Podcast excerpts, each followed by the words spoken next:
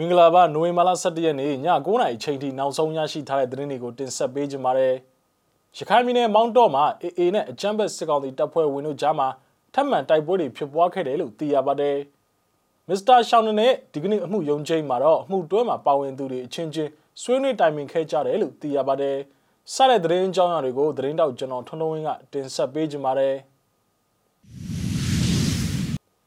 ပထမဆုံးအနေနဲ့တင်ဆက်ပေးခြင်းတဲ့သတင်းကတော့ရခိုင်ပြည်နယ်မြောက်ဘက်ပိုင်းမောင်တော်မြို့နယ်မှာရခိုင်တပ်တော် AA နဲ့အကြမ်းဖက်အာဏာသိမ်းစစ်ကောင်စီတို့ကြားမှာဒီကနေ့နိုဝင်ဘာလ17ရက်နေ့နနက်7:00နာရီချိန်ခန့်ကနှစ်ဖက်ထိတွေ့ပစ်ခတ်မှုတွေဖြစ်ပွားခဲ့တယ်လို့ဒေသခံများကမြစည်းမသတင်းဌာနကိုပြောဆိုပါတယ်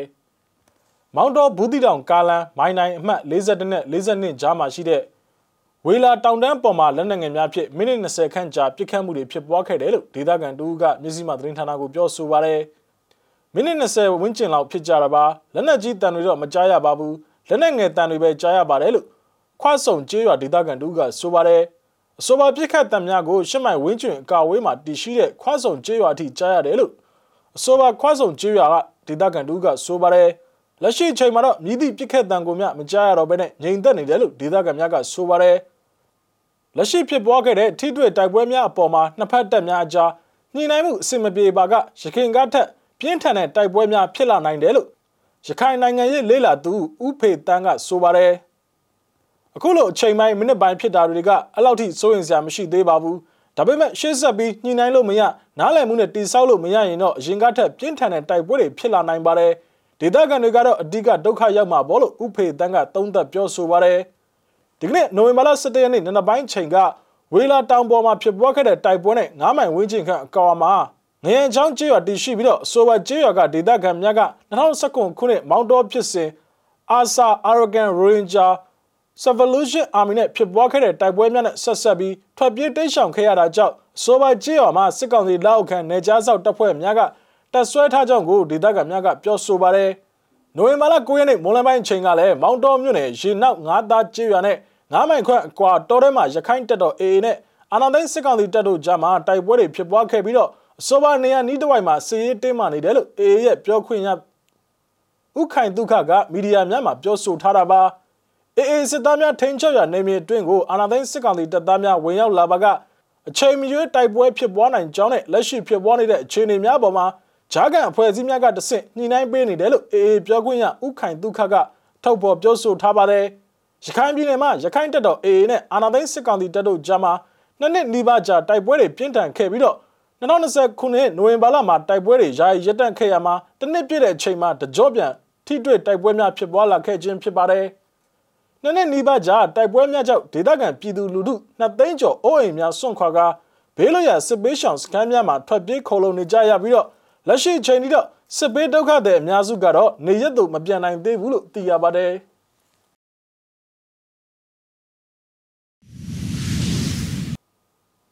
ဆက်လက်ပြီးတင်ဆက်ပေးခြင်းတဲ့သတင်းကတော့နိုင်ငံတော်လှုပ်ဝက်အဥပဒေဖြင့်တရားစွဲဆိုခြင်းခံရတဲ့ဩစတြေးလျနိုင်ငံသားမစ္စတာရှောင်းတန်ရဲ့ဒီကနေ့အမှုရုံးချိန်မှာတော့အဓိကအဖြစ်အမှုတွဲမှာပါဝင်သူအလုံးဆွေးနွေးမှုများပြုလုပ်ခဲ့ကြတယ်လို့သိရပါတယ်။နိုင်ငံတော်လှုပ်ဝက်အဥပဒေ3တစ်ဂါကြီးဖြင့်တရားစွဲဆိုခြင်းခံရတဲ့ပါမောက္ခရှောင်းတန်ရဲ့နိုင်ငံတော်၏တိုင်ပင်ခံပုဂ္ဂိုလ်ဒေါက်အောင်ဆန်းစုကြည်ဗန္ဒာရေးနဲ့စက်မှုဝင်ကြီးဌာနပြည်ထောင်စုဝင်ကြီးဦးစိုးဝင်းဒုဝင်ကြီးဦးဆာအောင်နဲ့ ဝင်ကြီးဟောင်းဦးကျော်ဝင်းတို့ကိုနေပြည်တော်ဇဗူသီရိမြို့နယ်အထူးတည်တံ့တရားရုံးမှာရုံးထုတ်ခဲ့တာပါတရားခွင်မစတင်မီမှာအမှုနဲ့ပတ်သက်ပြီးတော့ခြေပပြောဆိုရန်အတွက်ဆွဆွဲခံရသူ9ဦးကြားမှာတိုင်ပင်ခွင့်နဲ့၎င်းတို့နဲ့သက်ဆိုင်တဲ့ရှင်းနေများအသီးသီးတွဲဆုံခွင့်တို့ကိုတရားရုံးကခွင့်ပြုခဲ့တာပါဒေါန်ဆန်းစုကြည်ရဲ့စီးပွားရေးအကြံပေးမစ္စတာရှောင်းတနယ်ကတရားရုံးကချမှတ်ပေးထားတဲ့စကားပြန်ကိုအသုံးပြုပြီးတော့သူ့ရဲ့ရှင်းနေတဲ့တိုင်ပင်ခွင့်ရရှိခဲ့တယ်လို့အမှုအတွက်ဆွဆွဲခံရသူများကြား တိုင်ပင်ဆွေးနွေးမှုတွေကိုတော့ဒေါအောင်ဆန်းစုကြည်ကပင်ဘာသာပြန်ပေးခဲ့တာပါအဲ့ဒီနောက်မှာတော့တရားခွင်ကိုနနက်10:00နာရီခွဲမှာစတင်ခဲ့ရမှာတရားသူကြီးကတရားလိုစစ်ဆေးမှုကိုနိုဝင်ဘာလ25ရက်နေ့မှာကြားနာစစ်ဆေးရန်ရုံးချင်းပြန်လည်ချင်းဆိုခြင်းဖြစ်တာအဆုံးသတ်ခဲ့တာပါအမှုနဲ့ပတ်သက်ပြီးတော့မစ္စတာရှောင်းတာနယ်နဲ့ပြည်ထောင်စုဝန်ကြီး၃ဦးမှရန်ကုန်အင်းစိန်အကျဉ်းထောင်မှလာရောက်ကြခြင်းဖြစ်ပါတယ်အသက်86နှစ်အရွယ်နိုင်ငံခေါင်းဆောင်ဒေါအောင်ဆန်းစုကြည်ကတော့လက်ရှိချိန်မှာတော့အမှုဆက်တုမှုဖြစ်ရင်ဆိုင်နေရခြင်းဖြစ်ပြီးတော့ အမှု၁၁မှုမှာပုံမှန်တူ9မှုပါဝင်ပါတယ်ဖေဖော်ဝါရီလတွင်ကမစ္စတာရှောင်းတာနယ်ကိုရန်ကုန်မြို့မှာရှိတဲ့ချက်ထရီယန်ဟိုတယ်မှာဖမ်းဆီးခဲ့ခြင်းဖြစ်ပြီးတော့သူ့ laptop ကွန်ပျူတာနဲ့စာရွက်စာတမ်းများမှာတွေ့ရှိရတဲ့အချက်လက်များကြောင့်ဆိုပြီးတော့ဒေါအောင်ဆန်းစုကြည်နဲ့ပြည်တော်စုဝင်ကြီး၃ဦးကိုအမှုတွဲတရွဲဖြစ်တရားစွဲဆိုထားခြင်းပဲဖြစ်ပါတယ်။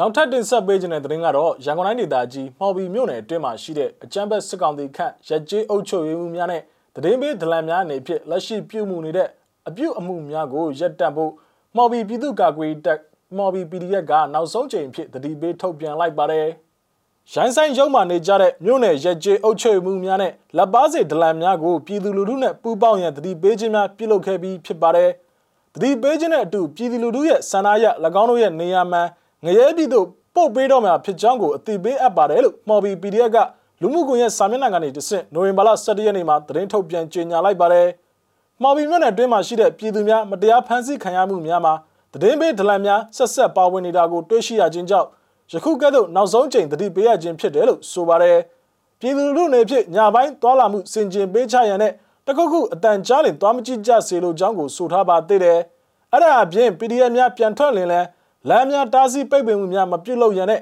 CCTV များကိုလည်းဖျောက်ထားပေးကြဖို့ကိုထုတ်ပြန်တောင်းဆိုထားပါသေးတယ်။၎င်းတို့ဖွဲ့ကမော်ဘီမြို့နယ်အတွင်းမှာရှိတဲ့ဝစ်ပေးနဲ့အခြား mobile banking ပေးများရာဂနုံအစမတန်တိုးမြင့်ယူနေသူများကိုလည်းအရေးယူမှုများလှုပ်ဆောင်သွားတော့မှာဖြစ်ကြောင်းကိုလည်းဖော်ပြထားပါသေးတယ်။ပြည်သူများနဲ့ဆိုင်ကယ်ကယ်ရီသမားများအနေဖြင့်အကြမ်းဖက်စစ်ကောင်စီတပ်ဖွဲ့ဝင်နဲ့နှီးစက်တဲ့နေရာများမှာမနေကြဖို့လည်းတိုက်တွန်းထားပါသေးတယ်။ စစ်ကောင်စီခန့်အုပ်ချုပ်မှုများနဲ့သတင်းပေးဒလန်များကိုလည်း၎င်းတို့အဖွဲ့ကအမည်နေရလိပ်စာနဲ့တကွသတင်းထုတ်ပြန်သွားဖို့ရှိနေတယ်လို့ဆိုထားပါသေးတယ်။